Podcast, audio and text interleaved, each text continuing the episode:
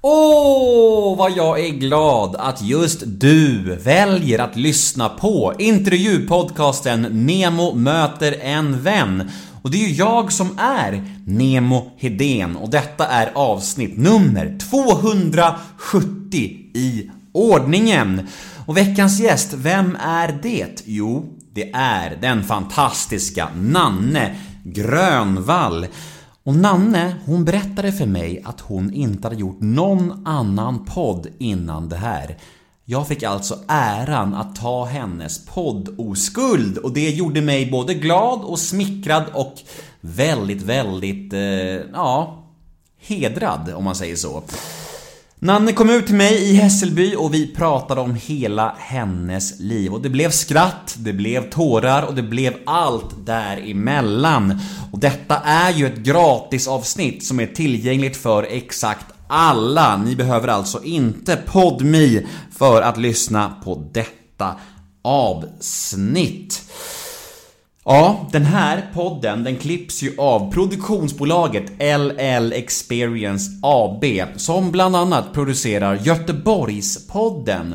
Så om ni behöver en duktig podcastproducent slash klippare gå då in på www.llexperience.se eller mejla kontakt snabla llexperience.se Stort tack till LL Experience för ett fint samarbete.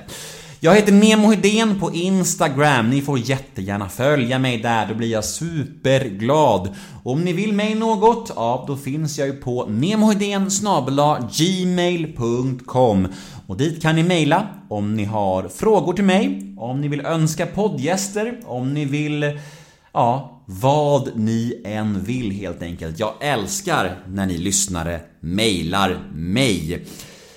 Jag tror inte det var någonting mer än så. Jag tror vi ska dunka igång veckans avsnitt. Nu är det dags för Nanne Grönvall i avsnitt nummer 270 av Nemo möter en vän. Rulla gingen. Nemo är en kändis, den största som vi har. Nu ska han snacka med en kändis och göra någon glad. Ja! Nemo, vän.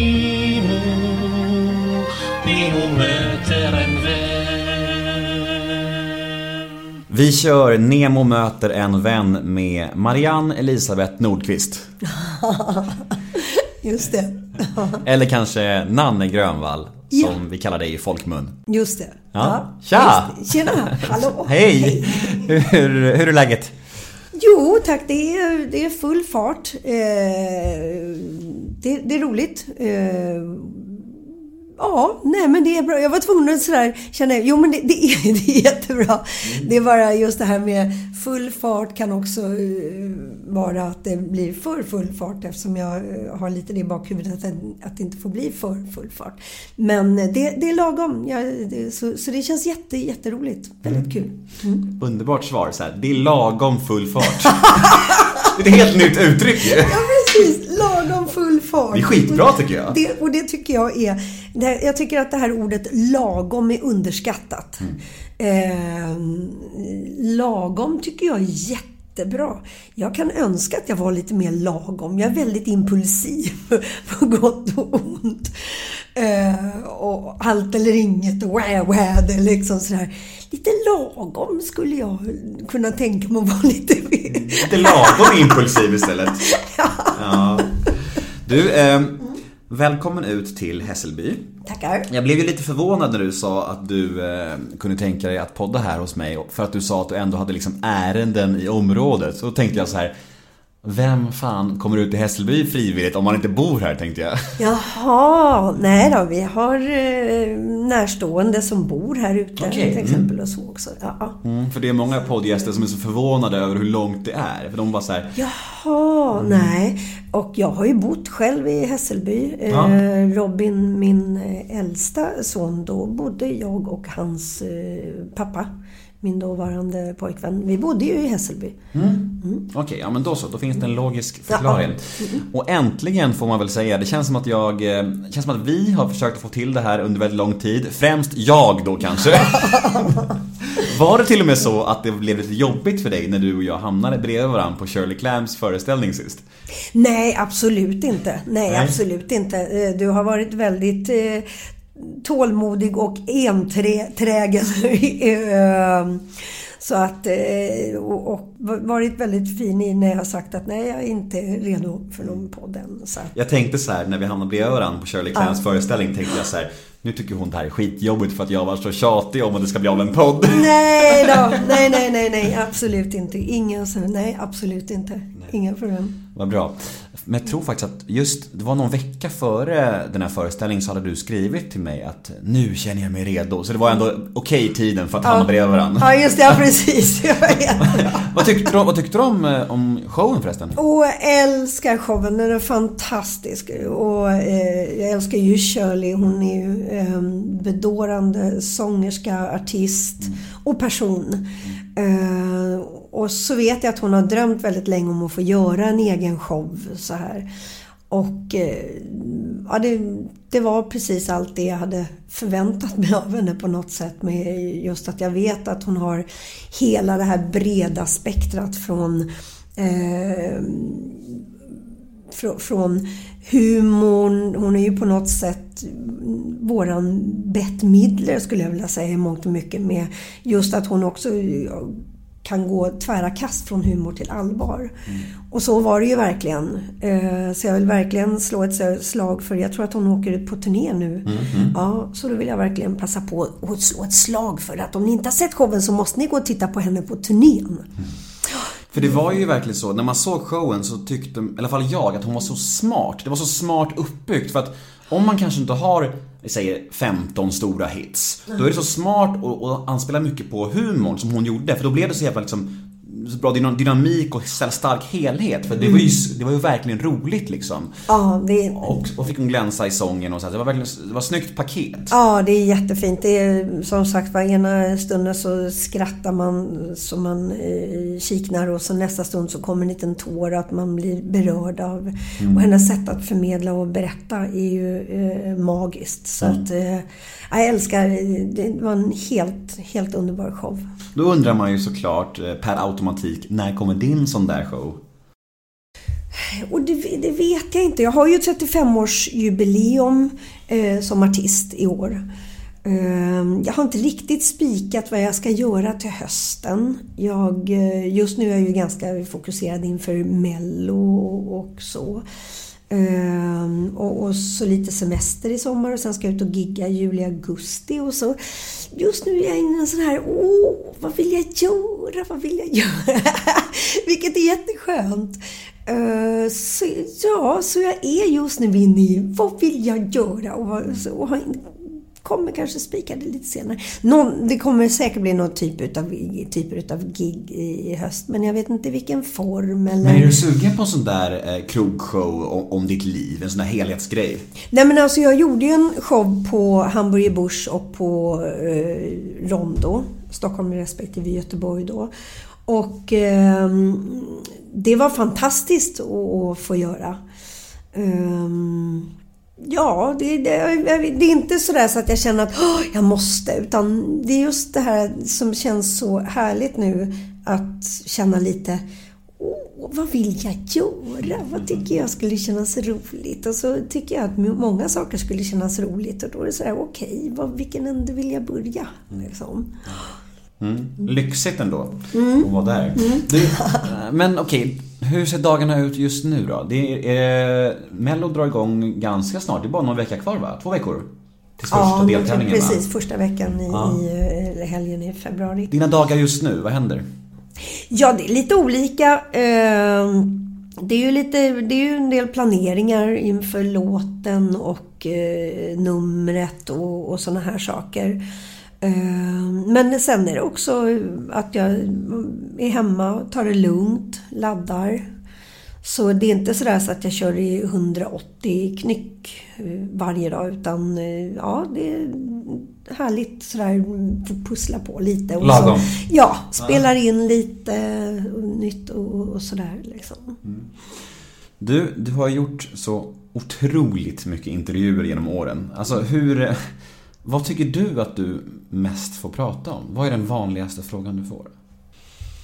Oj, det är ju väldigt olika. Allting går i perioder. Ehm, och lite beroende på, jag menar 35 år så har det ju varit olika aktuella ämnen. Nu har det ju varit väldigt mycket att prata utmattning eftersom det eh, jag åkte på den här utmattningskollapsen och samtidigt förstår jag ju att intresset för det finns eftersom det är tyvärr väldigt vanligt idag och eh, väldigt utbrett att väldigt många drabbas av det. Liksom. Så att det är nog det som har varit mest att prata om eh, sen jag började jobba igen för vad är det, tre år sedan, två, mm, två och ett halvt. Ja, vi kommer komma till det lite senare för att det är ju ett ämne som, som du säger också, det är nästan som en folksjukdom nu. Alltså det är så otroligt utbrett. Och, och jag tror att lyssnarna gärna ta del av eventuella tips och råd som du har. Men vad hade du önskat att du fick prata om mer i intervjuer? Om vi vänder på frågan. Oj. Um vad vill jag prata om? Jo, nej men jag vill ju, alltså jag känner ju ett väldigt starkt engagemang för barn och ungdomar och deras utsatthet i, i, i dagens läge. Alltså den psykiska ohälsan är ju eh, större, värre än någonsin. Liksom. Och där tycker jag absolut att vi behöver prata om hur eh, varför det blir så, vad man kan göra åt det. Det finns väldigt mycket, jag känner att jag har ett väldigt starkt engagemang i att eh, barn och ungdomar som egentligen ska känna bara eh, glädje och självförtroende och, och eh, hopp inför framtiden. Att det är väldigt eh, många som mår jättedåligt. Eh, och det är maktlöst för eh, i vuxensamhället hur man ska hjälpa, hjälp, göra för att lösa det. Liksom. Ehm, Så det berör mig väldigt mycket. Vad tror du man kan göra då? Åt eh, ungdomars måenden överlag? Jag tror eh, framför allt att man ska prata väldigt mycket om sociala medier. Att eh, ha en distans till det. Och eh, det är ju som så, det här är ju en ny generation vad det gäller det här. Precis som alla vi olika generationer upplever nya faser som när datorn kom. Okej, hur förhåller man sig till det plötsligt i, i tio timmar framför datorn? Okej, kanske inte. Så att, eh, och det här tror jag är väldigt mycket sociala medier. Att, de, att det handlar om att eh, hetsen, att eh, kraven eh, är ganska höga idag på eh, utseende, framgång. eh, Att du, alltså, och där är ju tyvärr sociala medier är ju fantastiskt i ett sätt att förmedla eh, ja, saker man gör och ta del av varandras eh, liv. Men det är också, finns ju en hets för om man inte har den eh, distansen. Att okej, hur många följare har man? Hur många likes får man? Är du i skolan så jämför du att aha, varför fick inte jag så många likes på den här och varför fick eh, hon eller han si eller så många? Och vad, ehm, den här känslan av popularitet. Alla människor vill ju känna sig älskade oavsett om det är barn och ungdomar eller vuxna. Men, och jag tror att det kan finnas en form utav att känna att man inte är tillräckligt populär och om du jämför med andra och så vidare. Eh, och just på något sätt så tror jag att eh, vi vuxna kan ha svårt ibland att förhålla oss till det men jag tror att framförallt ungdomar också har det är från du, du vaknar till det du somnar så är du inne på de här sociala medierna hela, och det skapar en eh, hets tror jag också. Det är nog inte bara det men jag tror att det är mycket sånt som gör att det blir eh, känsla av att inte räcka till, att eh, inte vara tillräckligt snygg. Eh, hur man ska se ut i kroppen, för det är väldigt mycket kroppsfixering. Ehm, så på något sätt så vi pratar inte så mycket om de inre kvaliteterna idag på samma sätt som jag tror att man gjorde förr. Sen har det ju varit, varit jag menar genom alla tider har det ju varit eh, så med. Men ehm, ja, jag tror att vi, man behöver, jag tror att man behöver redan i skolan börja prata. Redan i första klass hur, hur man ska förhålla sig till de här sakerna. Vi behöver prata om det. Och så vet vi ju fortfarande mobbning är fortfarande vanligt. Har ju tyvärr funnits i alla tider. Det här att inte känna sig älskad och det ger ju sår genom hela livet. Så att jag, jag tror att vi behöver titta i... Jag vet att många säger att ja, men man kan inte lägga allt på skolan. Jo, nej, men jag tror att en del utav livets utbildning kan vi hjälpa till med genom att... Därför att vi kommer alla ifrån olika förutsättningar och, och eh, att man pratar om vardags och livssituationer och eh, en form av psykologi. Jag tror att psykologi är underskattat. På något sätt ser vi det som att ja, men det ska man ta på universitetet. Tycker det är bullshit. Det ska absolut redan från första klass ska vi börja prata om våra välmåenden och, och eh, så. Det tror jag jättemycket på.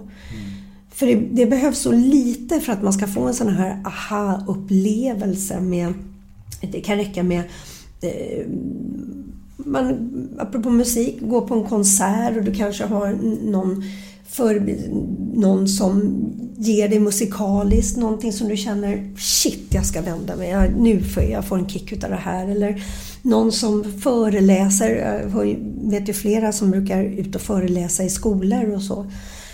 Och där det kan bli livsomvändande för barnen och, och ungdomarna. Där de får hjälp. Jag pratade med en snubbe som åker mycket i skolor och pratar om grooming till exempel. Och ja, då visar det sig att efteråt så kommer ju flera fram till honom och berättar att de har blivit utsatta, att, de inte har vågat prata om det och så vidare.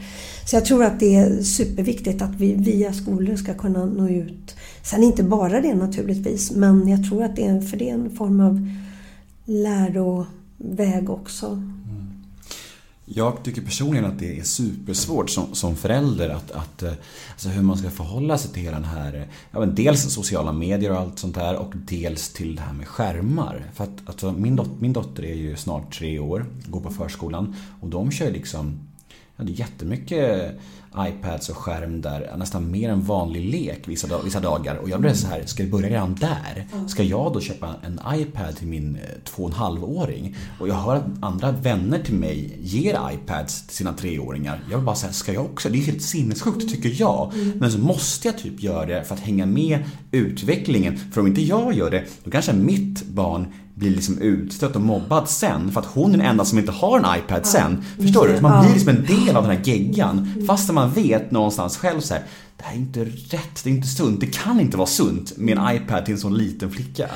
Nej, och jag tror framförallt att det också handlar om det här kanske att begränsa tiden. Men jag känner samma sak. Jag har ju också känt under barnens uppväxt att det var så här, okej, hur länge ska de få sitta och, och Eh, och, och, så är det också just eh, medan andra säger då, men det är bra utbildning och utvecklande. Och ena dagen så kommer det rön om att eh, det passiviserar och, och de inte rör på sig och, och, eh, och sen i nästa stund så eh, kommer det andra rön om att ja, men det är utvecklande för dem, de, de lär sig väldigt snabbt och det eh, så att det är ju som sagt var, alla nya generationer blir någon form av experiment i, när det kommer nya prylar. Liksom.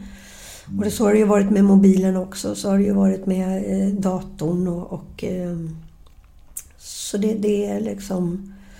Ja, det är svårt. Mm, det är inte lätt att vara förälder alltså. Nej, nej. Mm. Men du har ju vuxna barn. Mm. Alltså, har du snackat mycket med dem om just det här som du är inne på, det här med sociala medier och, eller, eller känns det mest lönlöst? För de är ju ändå vuxna tänker jag. Men... Ja, nej de är ju vuxna nu. Alltså, ja. De är ju 27, 29 och 33 så att det är liksom så, så, det skulle bli lite knasigt ja, ja, om jag säger ja, nu har jag tittat här och jag har sett att du Charlie har varit ute. Fyra skärmtimmar om dagen! Ja, du, precis. lägg ner det. Eh, nej, och de är nog inte ute, någon av dem, så mycket på sociala medier. Du har gjort ett bra jobb med andra ord. Ja, det vet inte jag, men det är nog deras egna beslut som de kan eh, ta, ta åt sig äran för, så att säga. Tror jag. Eller är det så att... Eh, Du, eh, inför den här inspelningen så lyssnade jag på ett gammalt sommarprat med dig. Okej, ja just det. Ja, Ja, det är säkert, kan det vara tio år sedan? Är det mm, det är det nog ja. Ja. Och då pratade du någonting om, om att eh, din, om din uppväxt en del eh, och du pratade om att var det din mormor som langade sprit? Stämmer det? Ja, det gjorde det. Precis. Ja. Eh, Sådana grejer, eh, som jag själv kommer från ett ganska, man kan säga, ja men rörigt. Det, min pappa missbrukade under hela min uppväxt eh, och jag vet ju hur det har format mig. Sådana händelser, kan du peka på hur sådana händelser har format dig? Ja, det är klart att det alltid gör... ehm, det gör det ju alltid i ens uppväxt eh, och, framförallt om det är eh, rörigt och... Och, ehm, och det blir ju som så att när det blir alkohol och, och sådana saker inblandat där det inte är med måtta utan det, där det hamnar i missbruk så påverkar ju det väldigt mycket. Ehm, som barn, naturligtvis. Ehm, ja, jag, så, så att det, jag känner ju väldigt mycket med barn som växer alltså när det är oavsett egentligen missbruk. Det finns så många olika former utav det så att säga. Ehm, men det är klart att det präglar definitivt. Har det alltid varit eh, solklart för dig vad du ville syssla med i ditt liv? Din liksom väg, your path eller vad man säger. Nej, absolut inte. Eh, definitivt inte. Eh, jag eh, jobbade som, alltså när vi var med i Melodifestivalen 86 första gången, då jobbade jag som telefonist fortfarande. Och hade tagit tjänstledigt och tänkte att det här kommer jag inte kunna, eh, jag kommer inte kunna fortsätta som artist. Så jag tog tjänstledigt gång på gång. Och sen eh, och så rullade det på. Och så rullade det på igen. Men jag hade inte... Jag vågade aldrig tro som liten att jag skulle få hålla på med musik eller som artist eller någonting. Jag älskade att sjunga. Eh, gjorde små melodifestivaler hemma med mina kompisar och skrev låtar och, och så. Och så klädde vi oss i eh, olika kläder då som morsans eller mormors eller någonting med lite paljettigt gärna eller så. Och, Var du ehm, duktig redan som liten eller? Nej, jag sjöng nog hellre än bra faktiskt. Men jag var ihärdig. Mm. Ja. ja, ja, absolut. Och älskade ju musik redan då. Eh, Spelade in på kassettband var det ju då. Liksom. Mm. Man spelade in ifrån radion och så. Vilka stora förebilder hade du då? Vilka, vad lyssnade du på? Elvis. Mm. Det var ju den stora. Ehm, och ehm, sen fanns det ju många andra. Lill-Babs tyckte jag om väldigt mycket. Sådär. ehm, så att... Alltså det fanns så my- mycket att lyssna på Svensktoppen då. Allt som var aktuellt. Fan, det är ändå intressant med just Lill-Babs för att jag har intervjuat eh, ja, men, över 270 olika kända personer nu. Och Lill-Babs är nog den personen som alla tycker om. Ja. Det är intressant det där. För, för liksom, så här, det finns inte en enda människa som har något ont att säga om henne. Nej. Det är speciellt ändå. För det brukar ändå vara någon som tycker illa om någon så här, men hon verkar ju genomgod liksom. Hon var ju eh, alltså, helt fantastisk, stort hjärta och eh, alla människor är unika men hon, hon var lite mer unik än, än alla på något sätt. Hon, hon klev in i allas hjärtan. Fan vad fint ändå. Du, ehm, som du nämnde så eh, var det ju Melodifestivalen första gången 1900, vad sa du, 80? 86. var 86. första- Ja. Ja, och det är väl i år blir det tionde gången du är med om man slår ihop både uppträdande och eh, Och som kompositör Ja, precis. Du, eh, det finns så många olika bidrag att prata om, men jag måste prata om ett särskilt bidrag för att det är en grej som jag har tänkt på ända sedan det hände. Så har jag grämt mig över det här. Och, eh, och framförallt min lilla syster som, älskar dig för det. Okej, tack. Du måste spela in en videohälsning till henne sen, du det- får- du får göra det efter. Det ska jag göra. Hon heter Nelly och hon har uppträtt med den här låten många gånger. Eh, Hon sjunger och så här.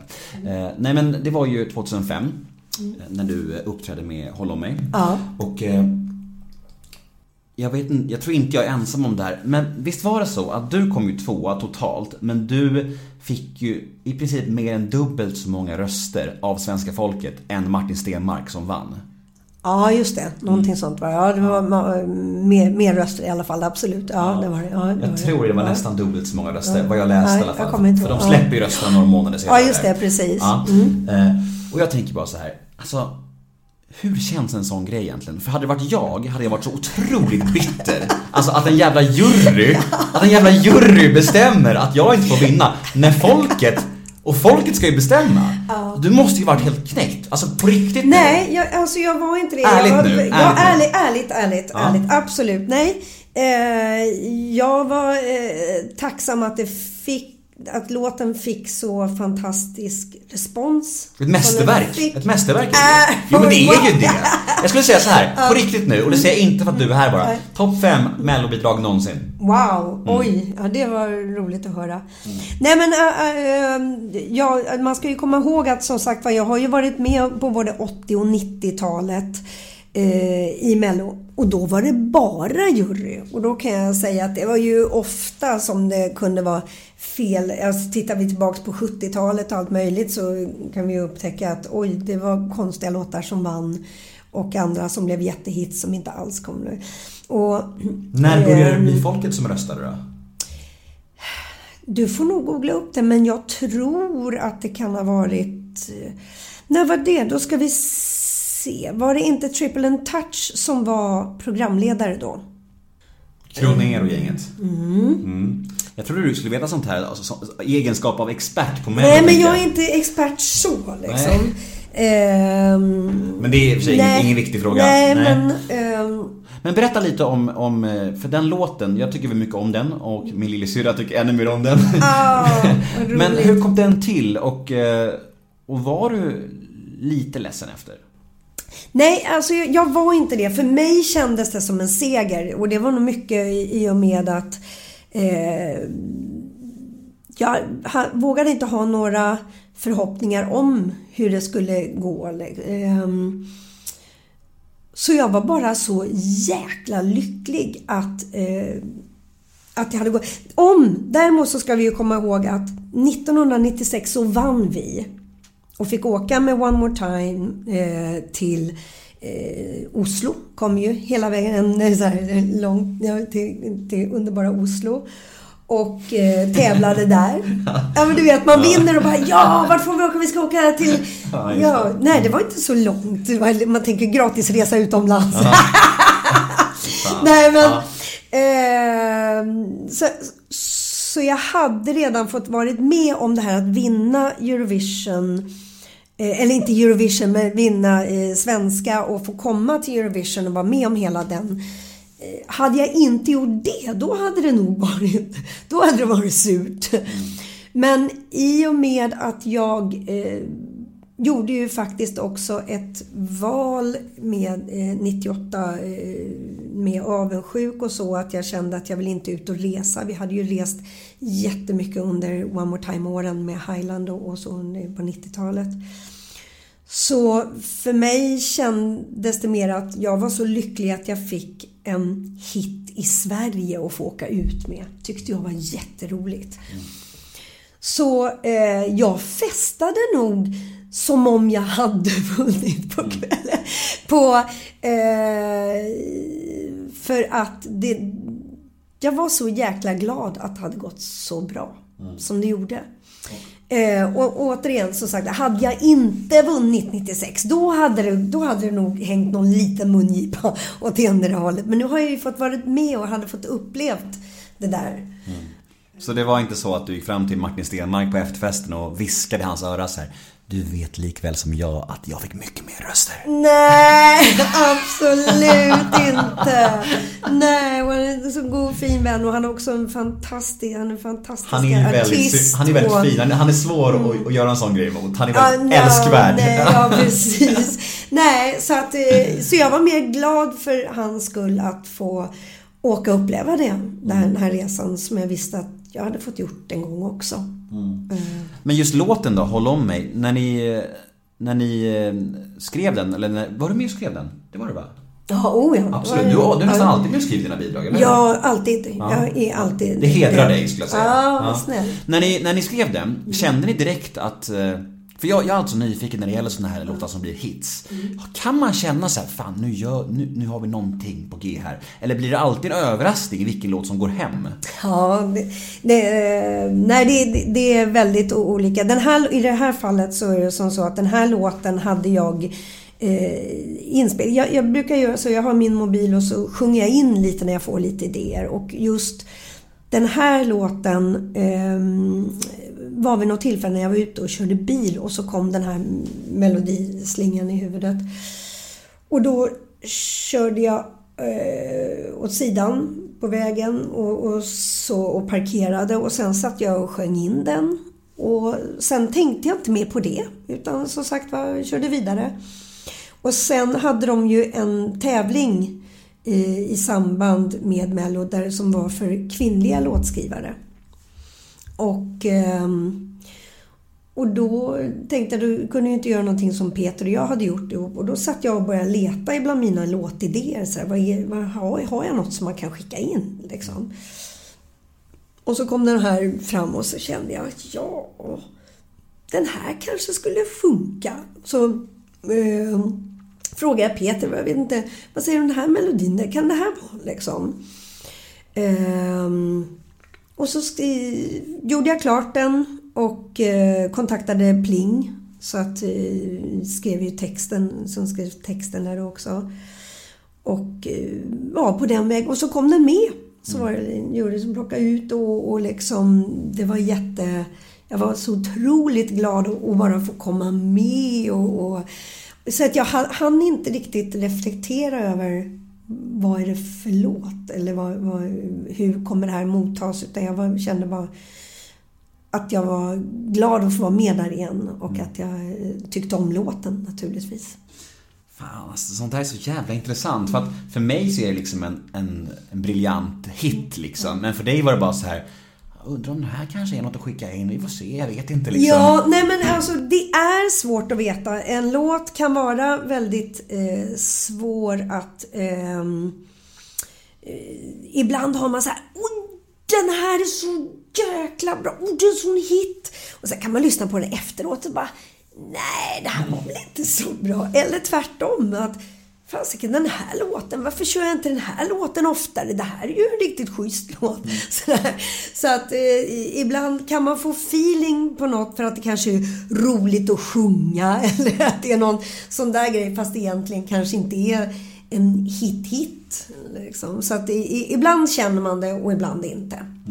Ibland tror man att det är en och så är den så, men men när, ja, jag, jag tror ändå att jag kände att mm, den här är, har något. Liksom. Något. Men, ja, men jag hade aldrig vågat tro att den skulle bli så stor som den blev. Hur var det med avundsjuk då? Det var ju första grejen jag gjorde solo någonsin. Ehm, 98. Och ehm, eh, det var ju alltså den låten, jag, jag, jag började skriva låtar. Vi hade ju varit ute då och, och rest med One More Time sen 92 med en låt Highland som släpptes och så blev det en stor hit runt om i, Normally, being a little extra might be a bit much, but not when it comes to healthcare. That's why United Healthcare's Health Protector Guard fixed indemnity insurance plans, underwritten by Golden Rule Insurance Company, supplement your primary plan so you manage out of pocket costs. Learn more at uh1.com. If you thought the only way to get a more defined jawline with natural looking results was through surgery, think again. Juvederm Volux XC is a non surgical injectable gel filler that improves moderate to severe loss of jawline definition and can help you achieve natural looking results with little downtime. Even better, this improved definition lasts up to one year with optimal treatment. No maintenance required. Improve jawline definition for a smooth, sculpted look with Juvederm Volux XC. For important safety information and to find a licensed specialist, visit juvederm.com. That's J U V E D E R M.com. Not for people with severe allergic reactions, allergies to lidocaine, or the proteins used in Juvederm. Common side effects include injection site redness, swelling, pain, tenderness, firmness, lumps, bumps, bruising, discoloration, or itching. There's a risk of unintentional injection into a blood vessel, which can cause vision abnormalities, blindness, stroke, temporary scabs, or scarring. Talk to a licensed specialist to find out if it's right for you. flera länder i Europa. Så vi reste och reste och reste. Eh, och eh, så blev vi inbjudna 98 och, och få göra någon låt. Och då satt Peter och skrev eh, filmmusiken till Kalle Blomqvist. Film, eh, Astrid Lindgren-filmen. Så då var det så här, vad ska vi göra för något? Och då hade jag börjat sätta mig och skriva. För jag tänkte medan Peter sitter och spelar in och skriver och så, så kan väl jag... Eh, så, så jag satte mig och började lära mig hur musikprogram funkade, hur jag gjorde trumprogrammeringar och, um, och började spela in och skriva egna låtar på ett sätt som jag inte hade gjort tidigare. Och då fanns bland annat den här låten Avundsjuk där. Och den kändes ju inte alls som någon schlagerlåt. Eh, och vi testade till, sen då när vi väl skickade, skickade in den till Mello där så testade vi ju lägga på stämmer. För det ska man ju ha i Mello. Det är liksom stämmer och tonartshöjning. Och så funkar det inte med stämmer för det tog bort temperamentet. Och eh, tonartshöjning blev det inte heller. Liksom. Så att... Eh, men ja, då blev det att vi, att vi skickade in den liksom. Um, och det var min första sologrej någonsin. Jag hade ju en fruktansvärd scenskräck sen eh, långt tillbaka, sen, sen ja, 80-talet egentligen. Alltså. Så att, eh, Var det jobbigt att, att liksom lämna bandet bakom dig och stå själv på scenen? Tyckte du? det var en enorm utmaning, verkligen. Ehm, att våga. Ehm, ja, det, det var... Eh, det kändes bra efteråt men just då var jag jättenervös eh, naturligtvis. Och sen också i och med att det här inte var en klassisk schlagerlåt. Det var någonting helt annat än det vi hade gjort med One More Time tidigare eller som när vi skrev Det vackraste till Cissi, som Cissi Wennersten gjorde. Mm.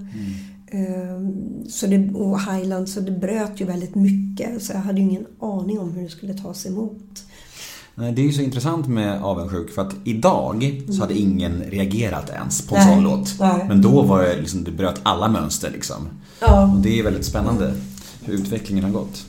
Ehm, vi ska prata lite om det vi var inne på i början där. Det som du sa att du får prata om väldigt mycket just nu. Men jag tänker att det är ändå viktigt att snacka om. Just för att det är många lyssnare där ute som ja, men, bryr sig om dig och vill ha tips och råd. Och, och, och jag snackar givetvis om det här med utbrändhet. Gå in i väggen och så här. Eh, vad var det första tecknet du fick på att någonting var knasigt? Oj, jag, jag visste ju redan långt innan egentligen att det här är, nu är jag uppe i för alldeles, högt, alldeles för högt arbetstempo. Eh, men det är inte alltid lätt att stoppa upp när man har eh, alltså ett schema som ligger och, och eh, tutar och kör. Och så tycker jag det är roligt att göra och det är ju väldigt mycket sådär att jag tycker om att göra flera saker samtidigt då. Tro, trodde väl, har jag väl trott hela mitt liv att jag är bläckfisk på något sätt. Och tittar jag tillbaka så ser jag att det redan på Eh, 90-talet. Eh, det var samma sak. Vi hade ju småbarn. Eh, vi, samtidigt som vi jobbade jättemycket. Konstant sömnbrist. Så där, då pratade man inte om någon form av utbrändhet på det sättet. Men absolut att jag var sönderstressad redan där någonstans. Och, ehm, och även alltså, runt 2005 efter Håll om mig var det ju samma sak. Det tutade och körde och tänkte jag åh, så var var jag så glad över att allting gick så bra. Så då körde jag ju på 180 knyck också. Och ehm, men eh, ja, så räcker det ju med att man mår lite bättre och så glömmer man och tror att man kan köra på med samma tempo. Så jag visste ju redan ett år innan att det här det här går inte, men jag visste inte hur jag skulle stoppa upp allt. Som jag, och det är ju, som artist är man ju oftast uppbokad ett år i förväg med saker. Och... Um, så, så jag visste inte riktigt hur jag skulle stoppa det. Liksom. Um, Men vad hände då? När var liksom droppen? När, liksom, när sa du bara, nu är det stopp? Var det någonting speciellt, specifikt som fick dig att bara säga, nej nu, nu ja, måste jag jag tror att det var att jag, jag körde ju samtidigt som jag giggade väldigt mycket och drev väldigt mycket projekt så eh, var jag också med och spelade i Snövit och vi turnerade, spelade eh, den elaka drottningen. Fantastisk roll att få göra. Men det, det, var ju att jag multitaskade ju väldigt mycket och vi var klara med eh, Snövit. Eh, och så hade jag ungefär en vecka däremellan, lite mer, eh, typ nio dagar eller någonting sånt, innan jag skulle börja ut och gigga. Och, och jag visste ju redan eh, innan jag vet att när vi var ute där på turnén så kunde jag ringa till Peter och, och, från hotellrummet och bara gråta och säga jag vet inte hur jag ska orka. Um, men så, så tar man sig samman. Det är ju ungefär som för andra när de går till jobbet fast de egentligen kanske vet att de inte orkar. Och eh, Så hade vi en eh, som sagt, då var vi klara med sista föreställningen. Jag hade då typ de här nio dagarna eller vad det var. Och eh, så satt jag hemma och vi satt i vardagsrummet jag och Peter och så sa jag Jag är så trött, jag vet inte hur jag ska orka, jag vet inte hur jag ska orka. Um, och så, så sa jag det, jag ska bara lägga mig och vila och så läste jag mig upp och ehm, och gick över vardagsrumsgolvet och sen Ja, det var som marken bara. Usch, det, det är tungt att prata om. Men... Ehm,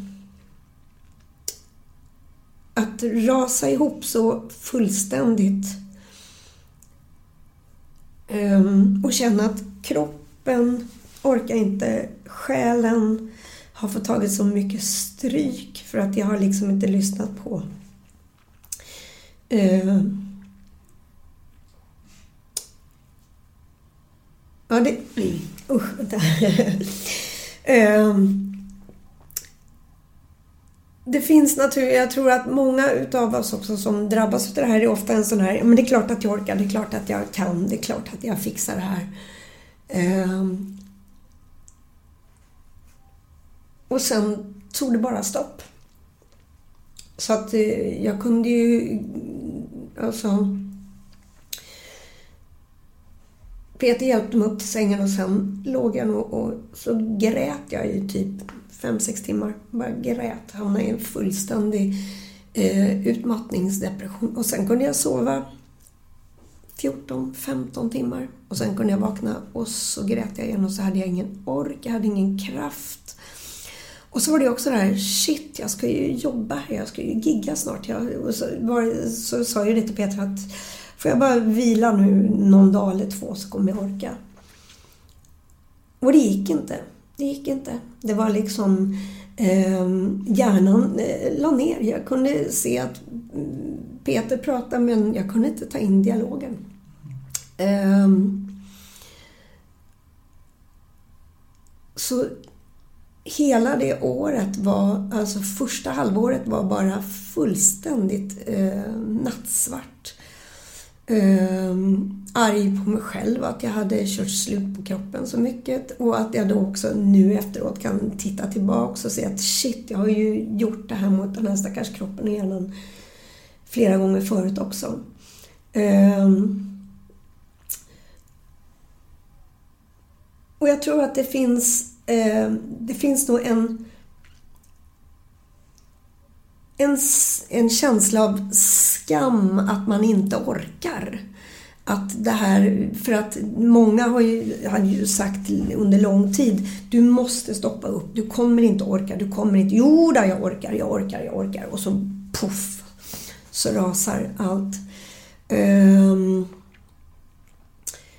så dagarna bestod utav bara alltså, att, att gråta, att få panikångest. Um, och för de som inte haft ångest, och, och, eller panikångest, så brukar jag säga att det är som att man tänker ungefär som ett...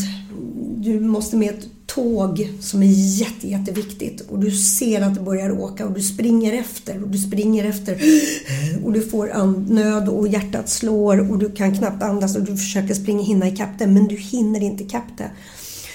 Det är ungefär så, jag, alltså det är en form av verkligen panik där. Um, och första tiden kom de här panikångestattackerna flera gånger per dag. Jag kände som att jag inte kunde andas. Som jag liksom... Och det var bara att låta det... Jag, jag, kunde inte göra något annat. Och det här är ju också för de som drabbas så är det ju som så att man är väldigt beroende av att ha... Jag hade ju nu en partner som kunde ta över allt. Kunde ta hand om logistik och prata med nära och kära och, och, eh, hålla i saker. För det är ju, och jag brukar tänka på de som är ensamstående och med barn till exempel. Där är ju väldigt viktigt att man har någon som hjälper en. Någon som... Eh, och där tror jag också är viktigt att lära sig. Jag, där har det faktiskt blivit en bra läroskola för mig för jag har lärt mig för första gången att ta emot hjälp. Um, det har nog, eh, förr har det nog varit mer så att jag gärna hjälper andra men jag har svår, haft svårt att be om hjälp. Ehm, men nu gör jag det ah, utan problem. Nej men alltså, så att, eh, jag känner efter väldigt mycket. Så, så att det har samtidigt kommit någonting väldigt bra ur det för att det här har tvingat mig till en livsförändring. Det har tvingat mig till att när jag märker att nej, men nu är jag på väg upp i ett tempo igen som min kropp och den, kroppen kommer aldrig orka samma arbetstempo igen i närheten. Utan jag måste vara väldigt noga och jag kommer behöva vara det for lifetime. Mm. Det, Um, men var du inte rädd? Jag menar, alltså rädd att du ska fastna där. Förstår du vad jag menar? Jag var nog mer rädd att jag kände att hela kroppen la ner fullständigt. Att jag tappade känseln i kroppen, domningarna skakade så att jag skulle hålla ett glas och kunde handen mm darra så jag knappt kunde hålla i den. Ehm, massa konstiga symptom. Och när vi tittade då tillbaks, jag och Petersen, när man har suttit och analyserat lite och så, så har jag också sett att det var mycket att åka in och ut på akuten innan jag brakade. Med olika symptom och, och värden som var höga ena dagen och sen så när man kom ner till husläkaren nästa så var allting bra igen. och, och så att och det var det som skrämde mig, att kroppen la ner så fullständigt och framförallt hjärnan. Minnesluckor, att jag inte kunde... Um, det tog ett tag.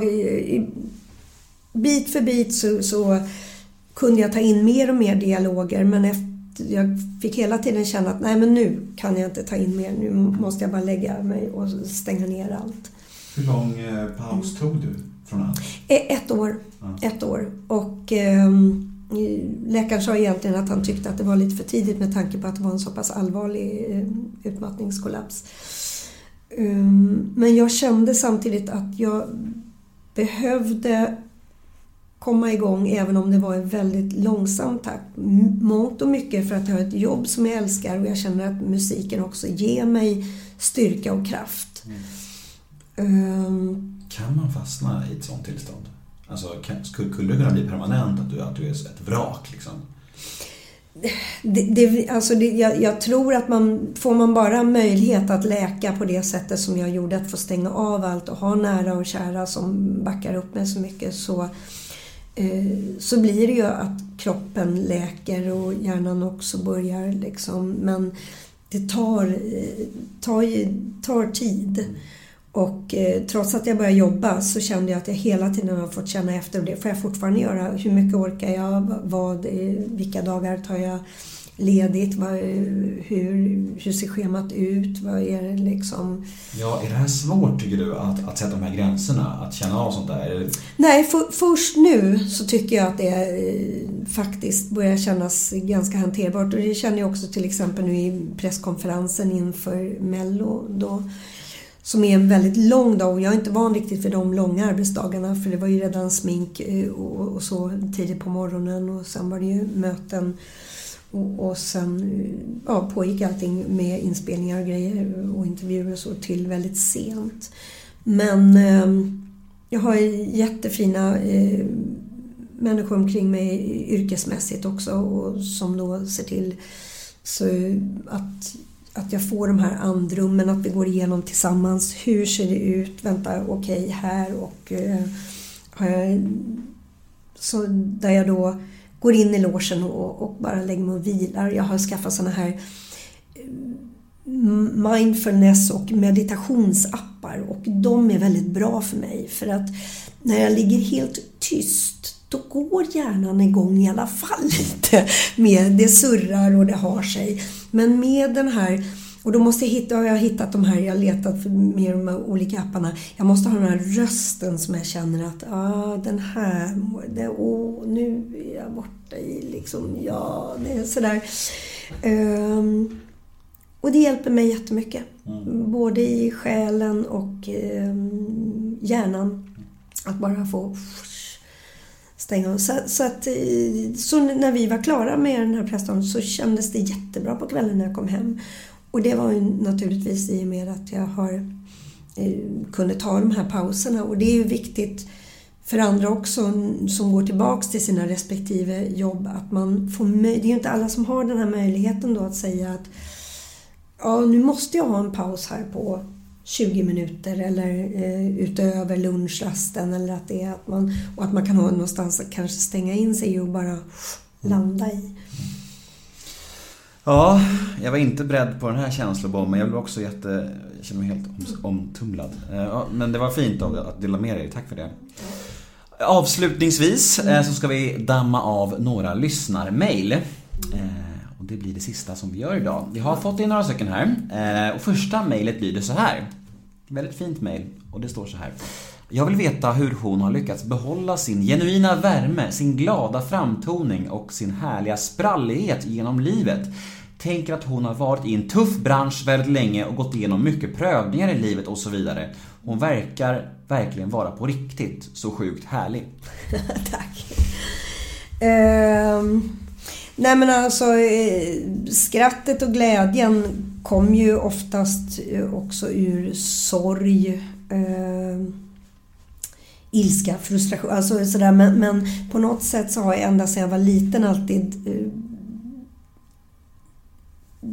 försökt, eller känt att jag hellre greppar de positiva halmstråna än tvärtom. Så att eh, det är ju många stunder av eh, sorg och, och när man är ledsen eller, och, eller är upprörd över saker och, och så vidare.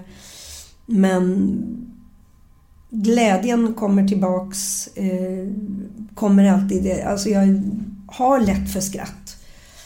Det, det är så och det, jag känner att jag behöver det. Jag behöver det här positiva, att glädjas åt bra stunder för att orka när det inte är bra. Men vi går ju alla igenom som sagt var både men jag älskar att skratta, jag älskar att se eh, positivt på de saker som går att se positivt på. Bra. Hur är det att ha Benny Andersson som svärfar? Ja, den är jättefin.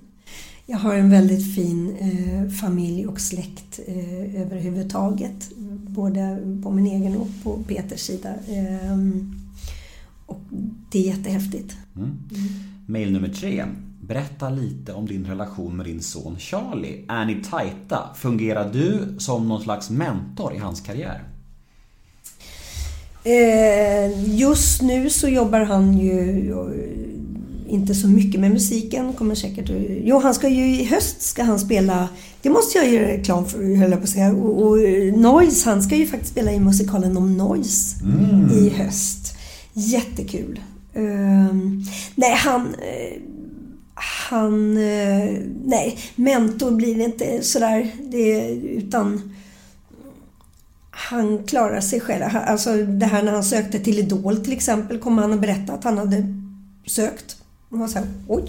Det var, ehm, så det är mer att vi, vi pratar vi lite musik allihopa, lite i sådär familjen eftersom det är ganska mm, berör oss ganska eller mycket på olika punkter. Men... Vad tyckte du om hans idoläventyr då?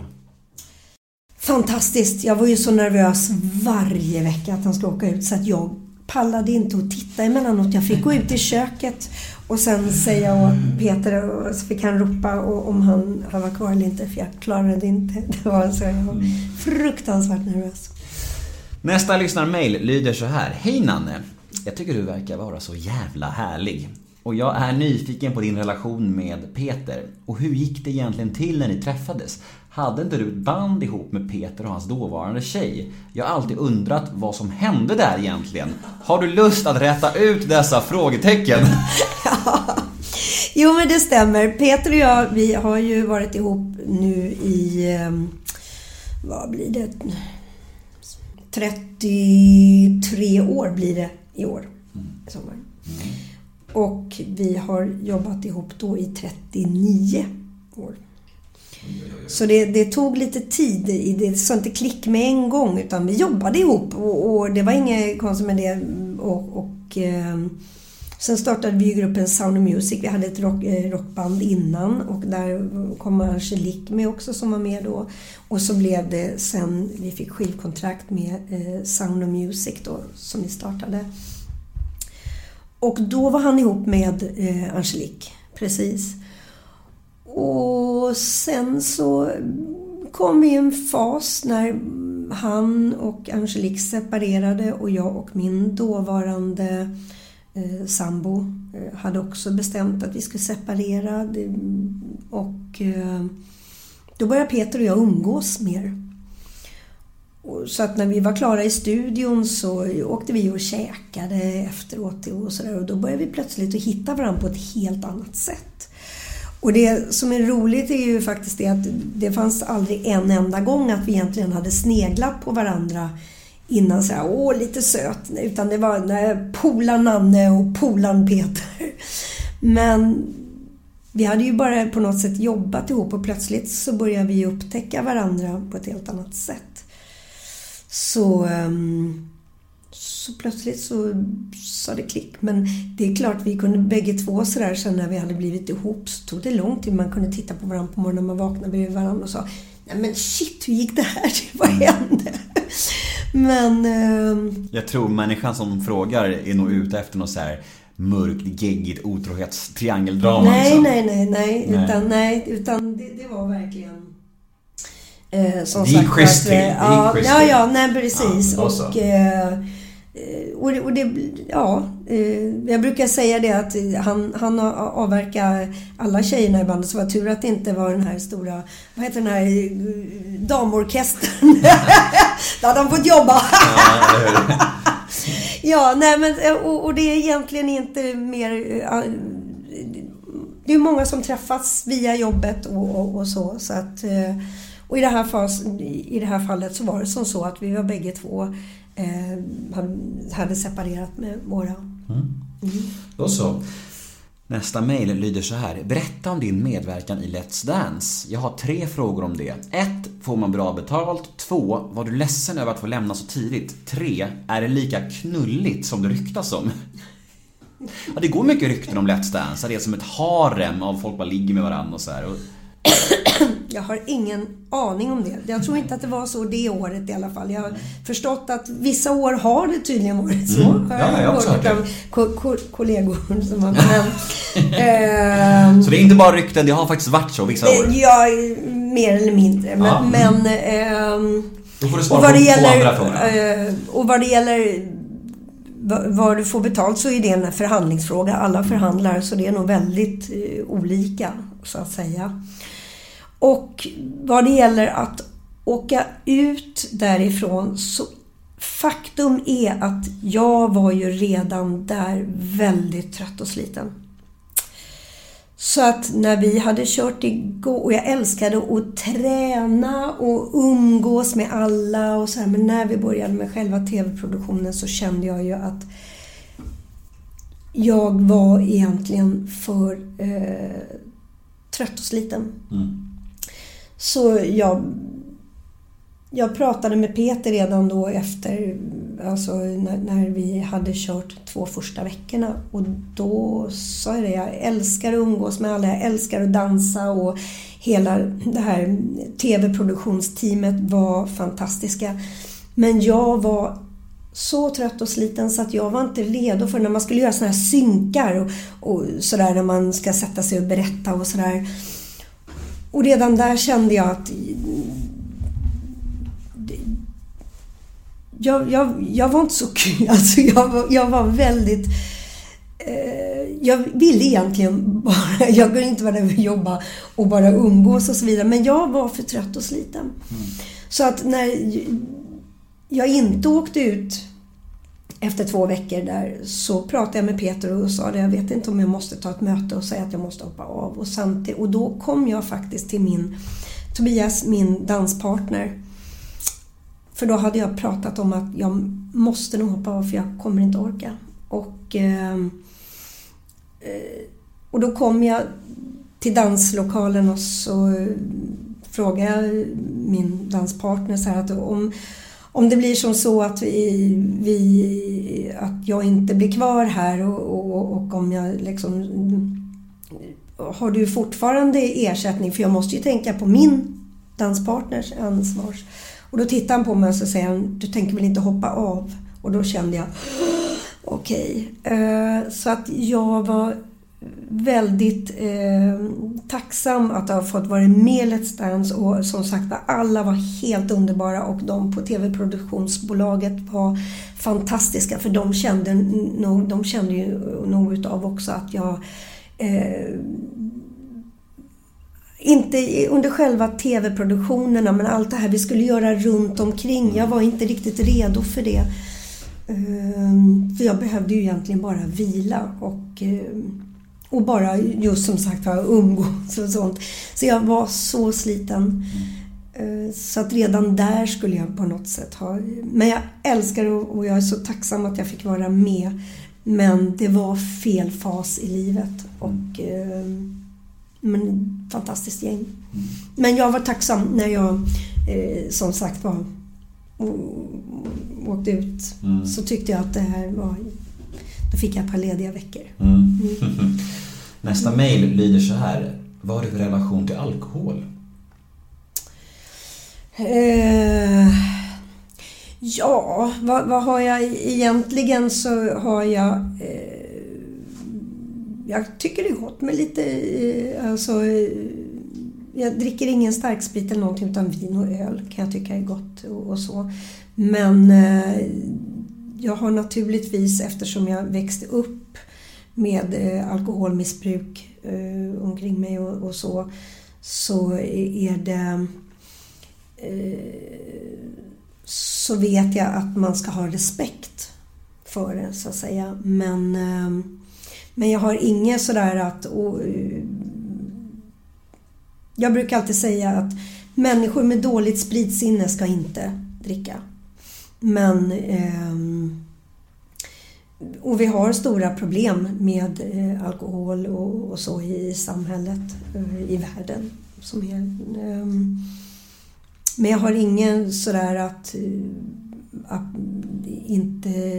Alltså, nej, jag tror att jag har ganska allmän sådär inställning att dricka, lite, dricka lite man är ute och äh, käkar middag tillsammans eller så. Men mm jag dricker inte hemma eller så, sådär på det sättet. Eh, Eftersom min man dricker ingen alkohol alls.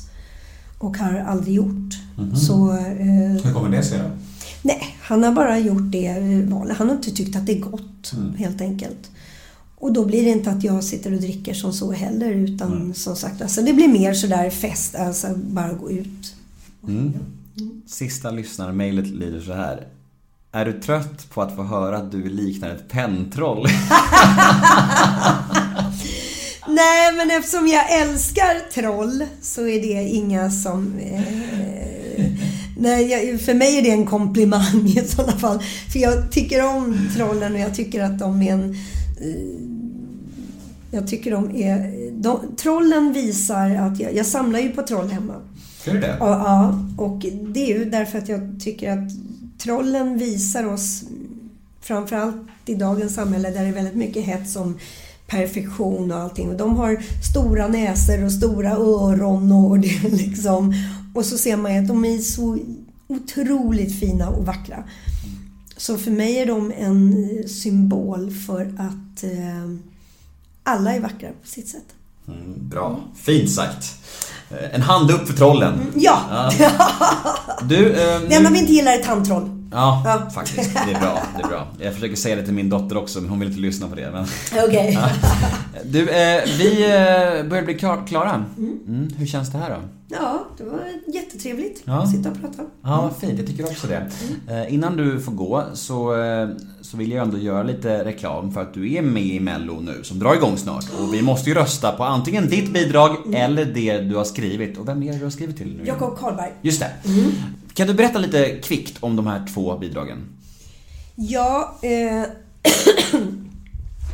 de är väl egentligen lite poprockiga bägge två, men på olika sätt. Eh, han, han är ju en fantastisk eh, sångare och artist. Så jag är jätteglad att jag har fått möjlighet att, att skriva tillsammans med det här gänget. Och, och eh, bra låt, bra artist. Rösta på honom, gör det. Ja, på dig då? Ja, jo, nej men och, och jag, ty, jag tycker att det är jättekul att vara med. Jag har inte kunnat sett mig själv i Mello igen. Det är 13 år sedan jag var med senast och eh, det här var mer att vi skickade in det för att vi höll på att skriva den här låten och Peter tyckte att, åh ska vi inte skicka in det till Mello? Nej, sa jag absolut inte. Och så gick några månader och så började närma sig sån här deadline för att skicka in. Och sen, jo men ska vi inte skicka in? Ja, vi gör väl det liksom. Så det här, jag vet inte om det är någon slager, slagerlåt sådär. Det, det är inte... Det är en...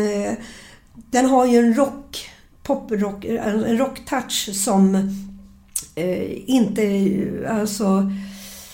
Det finns en igenkänningsfaktor eh, med, eh, av det jag brukar göra men det, det, jag tror att den, den här är lite rockigare än den andra och det vet man alltså rocken kan ligga lite, ligger inte riktigt kanske i tiden så jag vet inte hur det kommer att tas emot men oavsett vad så ska jag upp och köra och jag tycker om den här låten jättemycket att få göra. Är det samma känsla inför tävlingen att vara med som ja, för 13 år sedan? Vad är skillnaden? Nej, är skillnaden är nog att jag känner ro på ett annat sätt. Mm. Eh, Jag vill jättegärna, självklart precis som alla, gå vidare, åtminstone att man får komma till andra chansen. Men förr så kändes det ju alltså att inte gå vidare. Det kändes otroligt viktigt att få gå vidare för att också få en möjlighet att få eh, en hit utav låten och, och så. Och det är ju toppen om det skulle bli så men jag känner idag också att jag är jag är en, en bra fas i livet nu efter allt det här som jag har gått igenom som gör att jag har en annan ro och känner att ja, det känns viktigt och jag går verkligen all in på det men det känns inte livsviktigt på samma sätt utan jag ska in och ha kul. Sen vet jag att när jag väl står där bakom och det är direktsändning då är jag fruktansvärt nervös. Men jag ser så mycket fram emot detta och det ska bli kul oavsett hur det går. Men jag ska ge järnet. Fan vad kul. Eh, rösta på Nanne Grönvall i Mello. Stort tack för idag hörru. Tack själv! Tack, hej då. Tack, hej då!